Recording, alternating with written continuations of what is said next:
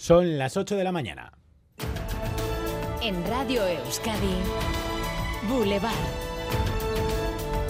Con Xavier García Ramsten. ¿Qué tal, Egunon? Arrancamos la última semana del mes de febrero con tiempo invernal, con un fuerte temporal en la mar y con importante previsión de lluvia. Atención porque a mediodía estaremos en alerta naranja por fuertes precipitaciones en Guipúzcoa, en Vizcaya. Atención también a las lluvias en la llanada alavesa. Buscamos la foto esta mañana desde el Paseo Nuevo Donostiarra y está Laida Basurto. Egunon, Laida. Egunon, a esta hora de momento pocas precipitaciones, pero lo peor está por llegar hasta 80 litros por metro cuadrado. Podrán acumularse en 24 horas en el interior de Vizcaya y de Guipúzcoa, algo menos en el litoral, en Álava también. Alerta naranja, por tanto, por precipitaciones desde este mediodía y aviso amarillo durante toda la jornada para la navegación con olas que podrán llegar a ser de hasta 5 metros. Con cuidado en la costa durante las pleamares, la próxima será cerca de las 6 de la tarde. Y atención también al viento que sigue soplando con fuerza. Por cierto, respecto a la avería en la catenaria por un árbol caído ayer por la tarde entre Andoain y Hernani, desde Renfe nos informan que ya se ha abierto una vía, por lo que se está dando paso alternativo a los trenes que circulan ya en ambas direcciones. En Navarra, además, estamos en alerta naranja por nieve en el Pirineo. Enseguida conectamos con Euskalmet y repasamos la situación en las carreteras porque hay algunos problemas a esta hora.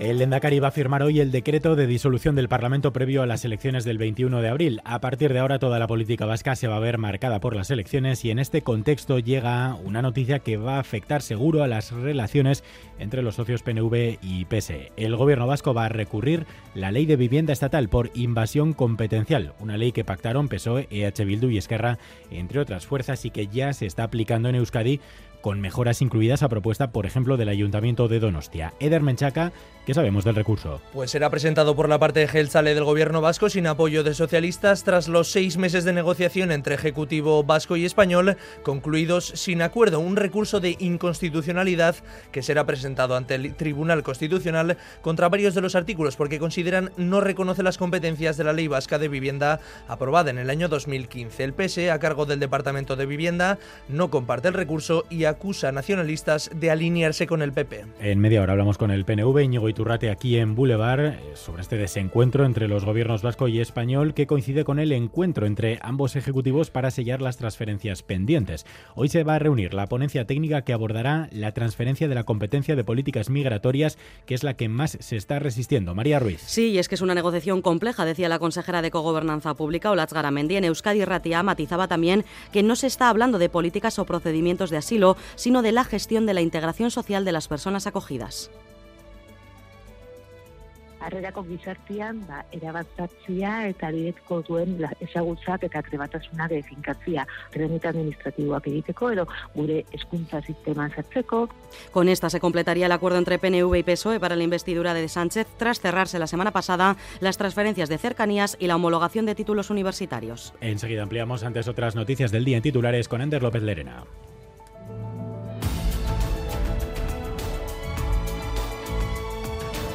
El PSOE reúne hoy a su comité federal en una semana tensa para el partido por la trama de las mascarillas en la que estaría involucrado Coldo García, ex asesor de Ábalos. Sí, el miércoles el presidente del gobierno y cuatro ministros deberán responder en la sesión de control a las preguntas por el caso Coldo. En el partido, sin mencionar el nombre del ahora diputado José Luis Ábalos, le abrían la puerta a abandonar su acta en el Congreso. Pilar Alegría, portavoz ayer en un acto en el PSOE en Euskadi. Que siempre vamos a, a colaborar con la justicia, que siempre vamos a trabajar en pro de la transparencia. Tolerancia cero ante la corrupción y ante los corruptos, sean quienes sean, vengan de donde vengan. Tolerancia cero. Hamas e Israel podrían alcanzar un alto el fuego en las próximas horas. Delegaciones de Israel y Hamas estarían reunidas en Qatar tratando de alcanzar un acuerdo que contemplaría una tregua de seis semanas y la liberación de 40 rehenes a cambio de la excarcelación de entre 200 y 300 presos palestinos. Acuerdo que ha generado cierto optimismo en la comunidad internacional. You know, there's been a lot of toing and froing, so I'm not going to make predictions uh, and, and, I'm not going to kind of put percentage chances. Jake Sullivan, asesor de seguridad de la Casa Blanca, aseguraba que la voluntad de los Estados Unidos es lograr también un alto al fuego para avanzar hacia la paz en Gaza. Y hoy se estrena Olobiontea, el nuevo podcast de ficción de ITV. Tras el éxito de Archipiélagoa, Olobiontea nos sumergirá en la ciencia ficción de criaturas fantásticas, tamizado por una textura de thriller. Es una ficción sonora producida por Ulu Media. Oyer Aranzábal es autor de la idea original y director de este nuevo podcast. El holobionte es el bicho que aparece en, la historia de Turriola y que los expertos, los científicos no saben qué es, de dónde viene. Parte de esa premisa holobiontea. Es una ciencia ficción de seis capítulos. De alguna forma seguimos la estela de Archipelagoa, pero bueno, es un thriller de ciencia ficción.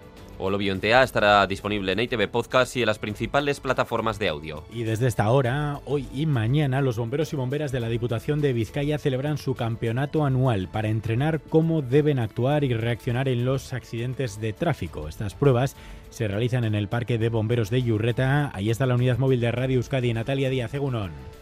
Sí, Egunon, justo hasta ahora empieza a competir el primero de los 15 equipos. En total, 72 bomberos de Vizcaya y de los tres parques de las tres capitales que tendrán que resolver simulacros de accidentes de tráfico extremos. Es el segundo año que se celebra este entrenamiento campeonato en el que pujan por participar en la competición estatal que en junio se celebra en A Coruña. Enseguida vamos a hablar con ellos. Pues enseguida estamos con ellos. Antes titulares del deporte, John Hernández, Egunon. Egunon, Xavier, no ha sido un buen fin de semana para nuestros equipos de fútbol ni en primera ni en segunda. Ayer empate a uno de los Asuna en Las Palmas. Clara derrota del Athletic por tres goles a uno en el Villamarín ante el Betis. Y en segunda tampoco pudo ganar el Amorebieta que empató a uno frente al Albacete. Boulevard. El tiempo. Buscamos la previsión del tiempo. Euskalmete, Gusquiña y Turreo, Cegunón. Egunon, esperamos una jornada lluviosa, especialmente a partir del mediodía. Durante la mañana el viento de componente oeste soplará con fuerza en el litoral y aunque llueva, las lluvias serán ocasionales y dispersas. Durante la mañana el viento poco a poco se irá fijando del noroeste y llegará un frente muy activo.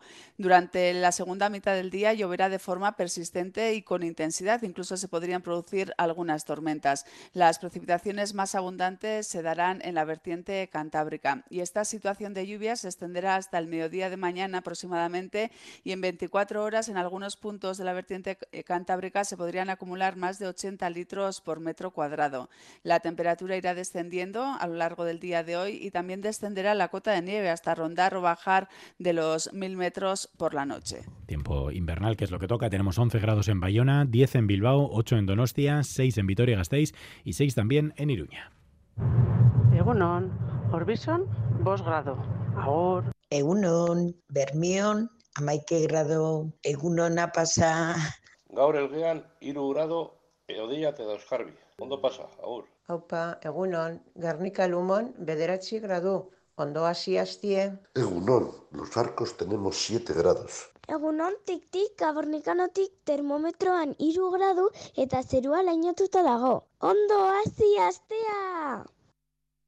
Boulevard. Baritec, expertos en eliminar todo tipo de varices en Bilbao, Donostia y Gasteiz, patrocina la información del tráfico. Actualizamos la información del tráfico. Begoña Doronsoro. Sí, precaución en la Guipúzcoa 20 en Pasaya, sentido Ariceta, porque se ha producido una colisión entre dos vehículos y está provocando retenciones. Precaución también todavía en la AP1 en Soraluce, sentido Gasteiz, porque hay un vehículo averiado en el carril de aceleración en la incorporación desde la AP8 y además vemos tráfico muy denso ya en algunos accesos a las capitales vascas, por ejemplo, en la Vizcaya 637 en la zona de la avanzada. Además, recuerden que, como les contábamos hace unos minutos, ya se ha reabierto el tramo entre Guetaria y Zarau de la Nacional 634 y les recordamos también ese apunte en el tráfico ferroviario porque ya se ha reabierto una de las vías del tramo entre Andoain y Hernani, por lo que se ha restablecido la circulación de los trenes y se espera recuperar la normalidad a lo largo de la mañana. ¿Quieres vivir sin varices el 2024? Olvídate de síntomas tan molestos como picores o dolor y estrena piernas con Varitec. Especialistas en tratamiento de todo tipo de varices sin cirugía, sin anestesia y sin límite de edad. No importa el grado de tus varices, sean arañitas, varices gruesas, úlceras venosas o incluso si han reaparecido después de operarte. En Varitec nos comprometemos contigo. Pide tu primer diagnóstico en nuestras clínicas de Bilbao, Donosti y Gasteiz. Información disponible en varitec.es. Agur Varices. Ayúdanos a mejorar nuestra información con tus comentarios, fotos y vídeos. Envíalos al WhatsApp de Radio Euskadi 688 840 840.